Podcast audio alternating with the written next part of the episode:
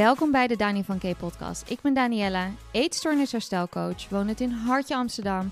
En door middel van deze podcast hoop ik je een liefdevolle schop onder je kont te geven. En uiteraard ook een glimlach op je gezicht te toveren. Welkom bij de show. Hallo allemaal, welkom bij weer een nieuwe aflevering.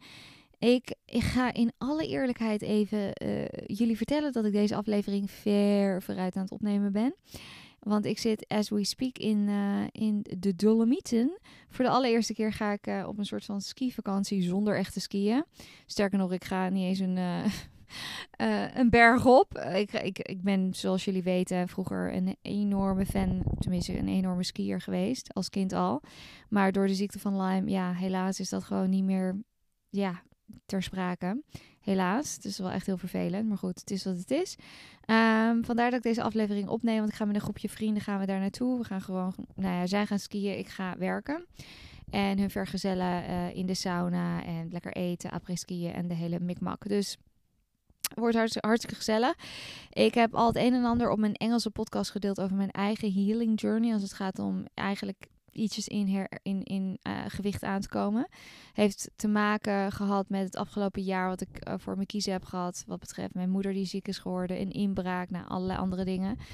En uh, ja, dat is me niet in de koude kleren gaan zitten. Dat heeft ook te maken met echt een absence of hunger. En daar gaan we het dus vandaag ook over hebben. Van oké, hoe ga ik in godsnaam herstellen als ik totaal geen fysieke of mentale honger ervaar? En ik kan daar nu, nou ja, heel erg makkelijk over meepraten. Omdat, kijk, ik hoef niet meer te herstellen van de eetstoornis. Want dat is al lang, al lang gebeurd. Ik ben al 7, 8 jaar hersteld. Maar ik wil wel nu wat in gewicht aankomen. Omdat ik mezelf gewoon mooier vind met wat meer rondingen. En ik heb totaal eigenlijk niet echt veel honger. Sterker nog, ik zit nog steeds in een hele stressvolle periode in mijn leven. Waarin... Um, mijn honger eigenlijk ja, zowel uh, vrijwel weg is. En je kan denken van, Jezus Daan, dat, dat, lijkt me best pittig. Nou, dat kan ik je vertellen, dat is het ook. Zeker als je ook niet echt extreme mentale honger hebt. Want dat heb ik ook niet, omdat ik, ja, ik heb mezelf al die jaren, sinds dat ik hersteld ben, natuurlijk alles gegund wat, ik, wat, er, wat er maar voor voorradig is. Dus ik zit niet in een lekker tekort, ik zit niet in een koekjes tekort, in een chocoladetekort, in een weet ik veel wat tekort. Dus mijn mentale honger is eigenlijk, blijft ook wel behoorlijk uit.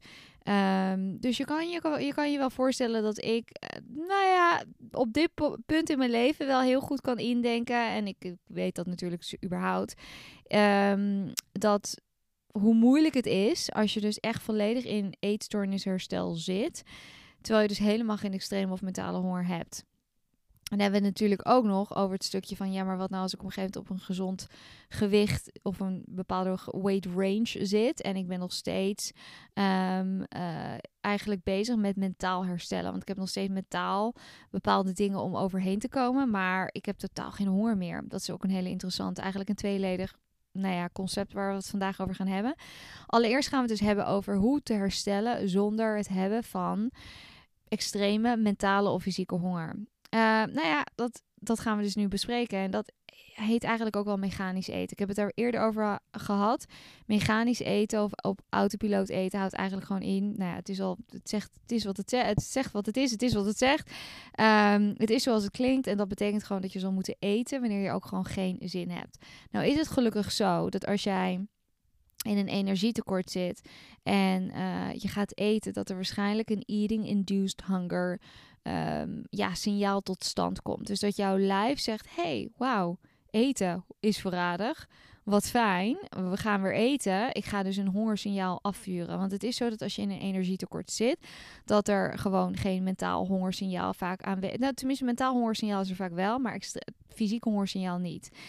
Bij mensen die bijvoorbeeld zoals ik, ik heb, zit dus niet in een energietekort, omdat ik dus, nou ja, wat ik al zei, ik heb mezelf eigenlijk alles gegund wat ik, wat ik ja, heb willen eten in de afgelopen jaren.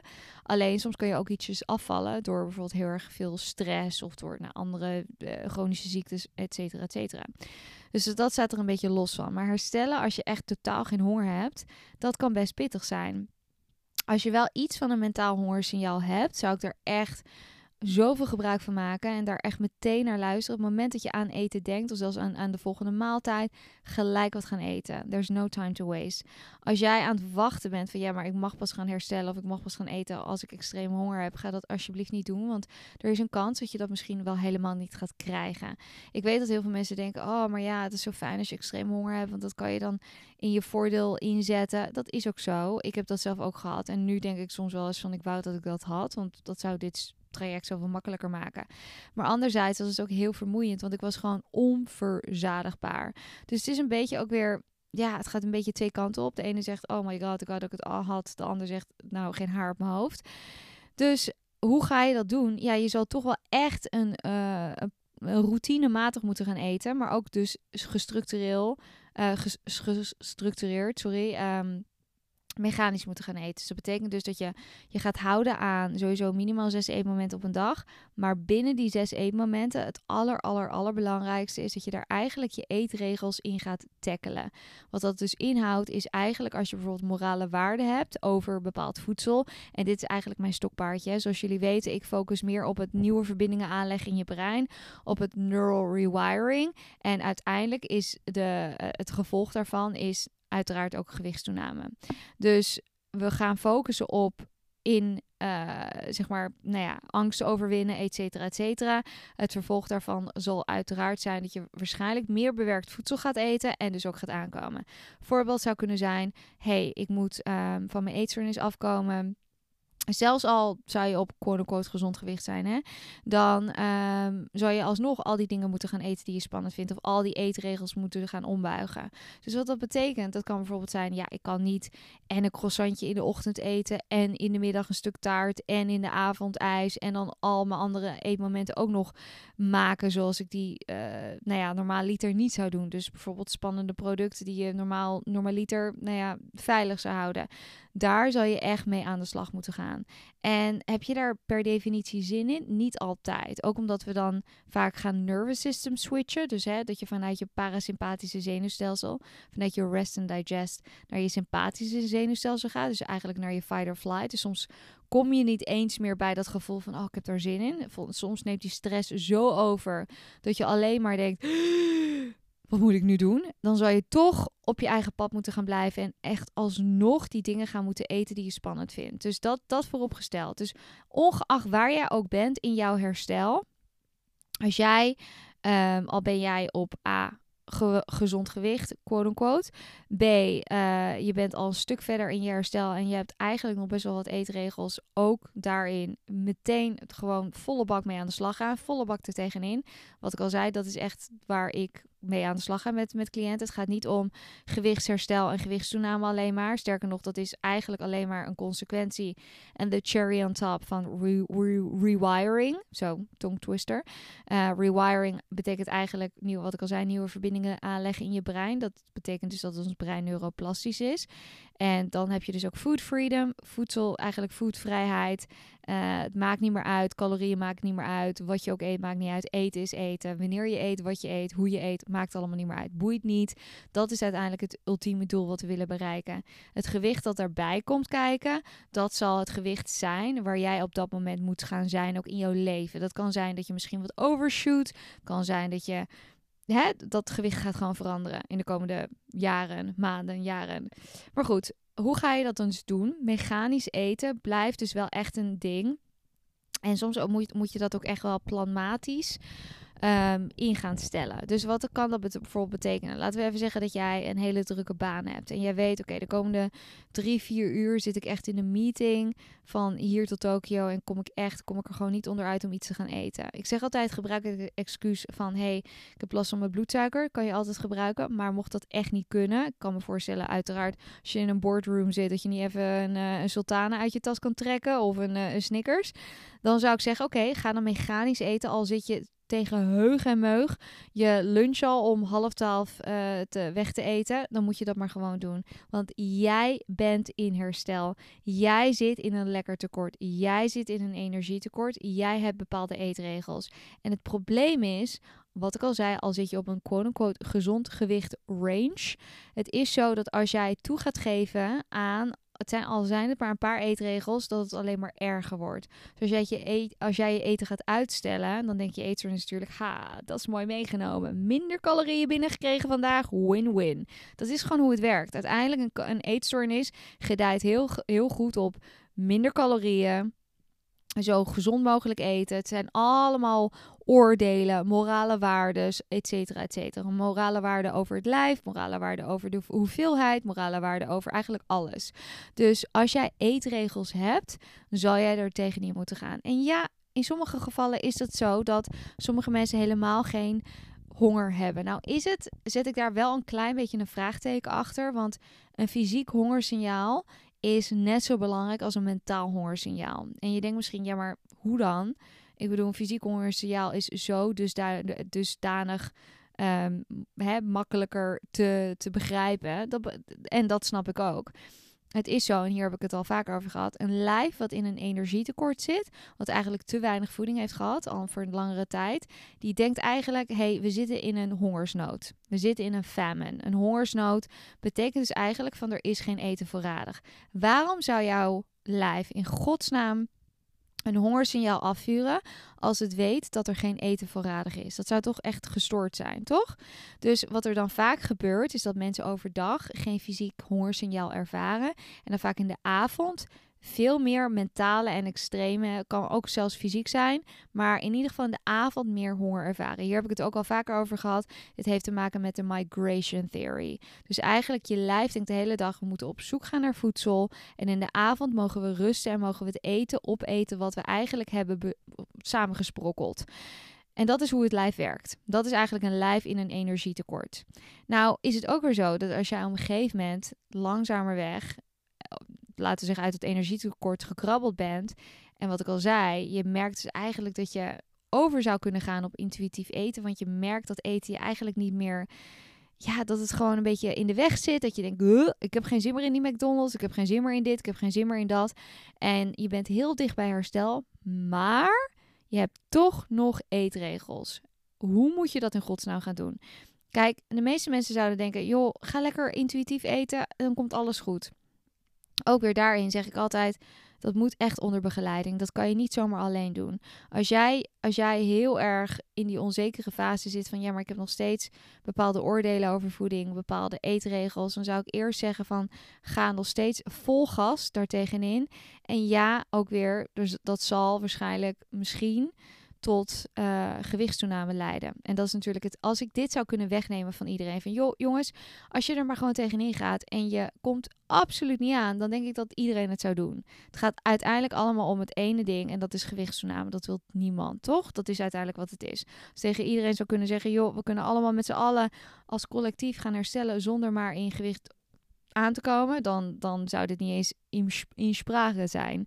Dus het gaat erom dat je moet echt mechanisch gaan eten tegen je eetregels in. En that's it. En hoe ik dat dus bijvoorbeeld nu doe, ik, wat ik al zei, ik heb besloten, ik vind mezelf gewoon mooier, ik ben gezonder, ik voel me lekkerder in mijn vel als ik gewoon meer curves heb, meer rondingen. En ja, in het afgelopen jaar is er gewoon zoveel gebeurd. Ik heb heel erg mechanisch gegeten. Ik, heb, ik bedoel, ik heb de ziekte van Lyme. Dus ik, als iemand weet hoe je moet eten als je aan de antibiotica-infusie zit... of aan de antibiotica in het algemeen, dan ben ik het wel. Dus ik heb mijn hele leven lang eigenlijk al moeten mechanisch eten... sinds dat ik, nou ja, toen ik in herstel was. Maar ik heb wel altijd, omdat ik toen in herstel was, heel erg veel ehm, honger gehad. En toen ik eenmaal hersteld was, toen, ehm, ja, toen, toen, toen was het gewoon, een, laten we zeggen dat het leven nog niet zo dusdanig stressvol was als afgelopen jaar. Afgelopen jaar was echt hel.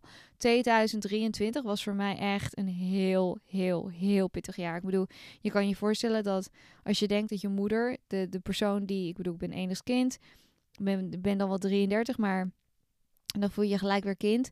Mijn moeder is mijn allerbeste vriendin op de hele wereld. En mijn god, dat was het engste wat er gebeurde op dat moment. En ook omdat je niet weet wat er gebeurt en je zit in een vreemd land. Ik woonde, dus, ik, ik zat destijds in Zuid-Frankrijk. Ik spreek de taal niet. Anyway, het was allemaal verschrikkelijk. Ehm, en dat heeft een behoorlijke nasleep gehad. En ja, dus daarom ben ik gewoon uh, waarschijnlijk wat... Um, ik zeg elke keer waarschijnlijk, maar ik ben gewoon wat in gewicht afgevallen. En ehm, ik, voelde me, ik voel me gewoon er niet prettig bij. En andere mensen kunnen zeggen van, oh, wat zie er goed uit whatever. I don't give a shit. Ik wil gewoon mezelf goed voelen. Ik wil gezond zijn. En daar gaat het uiteindelijk om. Dus ik ben zelf dus nu ook mechanisch aan het eten. Heel erg, uh, uh, ja, wat ik eigenlijk doe. Is misschien een heel, heel simpel voorbeeld. Ik leg bijvoorbeeld een rol uh, chocolade digestiefjes naast me. Digestives, dat zijn mijn favoriet. En ik ga gewoon tekeer. Ik ga, ik, ik verslind gewoon zo'n pak. Um, ik eet heel veel volle, um, uh, uh, volle kwark, volle Griekse yoghurt met heel veel krusli, noten, noten echt alleen maar. Um, ja, eigenlijk gewoon dingen die, die ik heel lekker vind. Dus heel vaak komen, zitten er weken tussen waarbij ik gewoon totaal geen groente of fruit eet. En ik zeg altijd ook weer in herstel is dit iets wat, kijk, ik ben nu niet in mentaal herstel, maar ik ben nu wel in fysiek herstel, zo zie ik dat even. Um, en dan is het oké als je je maar gewoon goed let op je supplementen. Ik ben nu bijvoorbeeld heel erg aan het suppleties aan het gebruiken, dus hè, bepaalde uh, vitamine, mineralen die ik wel wil binnenkrijgen, omdat ik ook gewoon chronisch ziek ben. Dus dat is wel belangrijk, in mijn geval zeker. Maar het is helemaal oké. Kijk, in mijn geval, wat ik al zei, het is geen ding meer, omdat ik al zo lang hersteld ben. Maar ik heb in de afgelopen weken, nou, het enige wat ik heb binnengekregen is een beetje uh, boerenkool van een boerenkoolstampot die ik laatst op heb gehad. En that's it. Dus ook weer heel normaal. Af en toe banaan hier en daar. En that's about, that's about it. Dus hoe, um, hoe te eigenlijk te herstellen zonder ja, fysieke of, oftewel mentale extreme honger te hebben. Toch gewoon echt jezelf verseren te eten. En ik weet dat verseren geen leuk woord is om te gebruiken. Daarom zeg ik dat mechanisch eten is eigenlijk het meer ja, het fijnere woord daarvoor. Maar dat zou je toch echt moeten gaan doen. Dus bij deze. En uiteraard is het vaak wel zo dat, wat ik al zei, uh, dat als je in een energietekort zit en over het algemeen zitten de meeste van jullie in een lekker tekort, focus je dan ook echt op de lekkere dingen die je jezelf zo lang hebt ontzegd. Dus ga voor de koekjes, voor de chocola, voor de dingen rijk in suiker en bewerkt voedsel. Want dat zijn vaak ook de dingen waar je een bepaald oordeel over hebt. Dus je slaat eigenlijk twee vliegen in één klap. Nou, ik denk dat dit hem wel was voor vandaag. Ik heb een klein beetje een, um, een insight gegeven wat er in mijn leven nu aangaande is en waar, hoe ik het nu inzet. Nou moet ik wel dus inderdaad zeggen dat ik natuurlijk al nou ja, acht jaar bijna hersteld ben. Dus dat is wel een groot verschil. Maar zo zie je maar weer dat, um, hoe, wat, een, wat een verschil dat maakt. Maar alsnog, mechanisch eten zou je voor de rest van je leven moeten gaan doen. Want jij kunt het gewoon je niet veroorloven dat als jij een genetische predispositie hebt voor een eetstoornis, om eten gewoon te laten varen. Om te denken, nou ja, weet je, ik zit gewoon in een hele stressvolle periode van mijn leven. Dan eet ik maar minder. Dat, dat, dat is gewoon niet, niet, dat zou je absoluut niet mogen doen. Daarbij wil ik nog even als disclaimer zeggen dat... Ik kan me voorstellen dat sommige mensen denken: Oh, Danielle is afgevallen, trigger. Dit is een mega trigger voor mij ik wil je één ding meegeven, is dat jij dit hoogstwaarschijnlijk in je leven zal gaan meemaken. Dat, kijk, mensen om je heen zullen zeggen, oh, ik ben afgevallen. Ik, kijk, ik ben ook maar een mens, ik ben geen robot. Dat heb ik ook in mijn, in mijn Engelse podcast gezegd. Dit is gewoon iets wat ik um, moest benoemen. Want ja, ik bedoel, ik kom soms van jullie, sommige van jullie tegen op straat. En um, mensen vergelijken natuurlijk mijn eetstoornis altijd heel erg. Zo van, oh, ze zag er toen zo uit en nu zo. Maar ik wilde dit gewoon, omdat dit een open en eerlijke podcast is wilde ik dit gewoon op deze manier belichten en toelichten. En het is gewoon, ja, weet je, soms vanuit stress gebeurt het gewoon. En ik heb dit ook in mijn Engelse podcast uh, uitgelegd. Is dat ik wel eens op een gegeven moment zo misselijk dat het er letterlijk uitkwam als ik aan het eten was. Omdat ik zo, zo ontzettend verdrietig was. Dit was echt, ik zat in een rouwfase van mijn leven. Dat was niet normaal. En nogmaals, ik probeer het niet goed te praten, maar goed, dit is gewoon wat er is gebeurd. Ik ben nog steeds heel erg mechanisch uh, aan het eten geweest destijds. Ik ben heel veel Pringles heb ik gegeten, eigenlijk dingen die ik weg kon krijgen, maar duidelijk niet genoeg. Want ik had andere dingen, betere dingen te doen, zoals mijn moeder in leven houden en uh, mezelf, uh, mijn, kopje boven water te houden. Dus ja, zo is life. En nu zijn we hier, een paar maanden verder, en uh, kom ik erachter, oh ja, het leven begint nu iets, iets rustiger vaarwater te komen. Ik heb besloten om gewoon wat aan te willen komen. En nu gaan we weer even volle bak tegenaan qua mechanisch eten. En ja, iets meer dan normaal. Of ietsjes meer, behoorlijk meer dan normaal. En dat is, ja, dat hoort er gewoon bij. Dus mocht je zoiets hebben van, oh, dit, dit voelt als een trigger of whatever it is. Uh, probeer dat dan naar, naar binnen te keren en waarom dat dan is, dan denk ik sowieso uiteraard dat, dat je behoorlijk nog actieve eetstoornis hebt. En ook weer dat je misschien hier niet heel erg veel exposure therapie aan hebt gehangen, want je zal familieleden hebben, vrienden, collega's die het ook over gewichtsverlies gaan hebben. En ja, op een gegeven moment zal je daar toch een soort van schild voor moeten gaan creëren. Um, ja, nou ja, ik ga hem hierbij afronden. Ik hoop dat jullie een hele fijne rest van je week hebben. En ik ben weer niet hier volgende week, maar de week erop. Oké, bye. Hey there, my friend. Dankjewel voor het luisteren. Mocht je dit een fijne, herkenbare of leerzame aflevering vinden, vergeet dit dan niet te delen met een vriend, een vriendin, je moeder, je vader, je opa, je oma, je hond, je glazenwasser, maakt niet uit, wie dan ook. En laat vooral een rating en een review achter. Tot de volgende.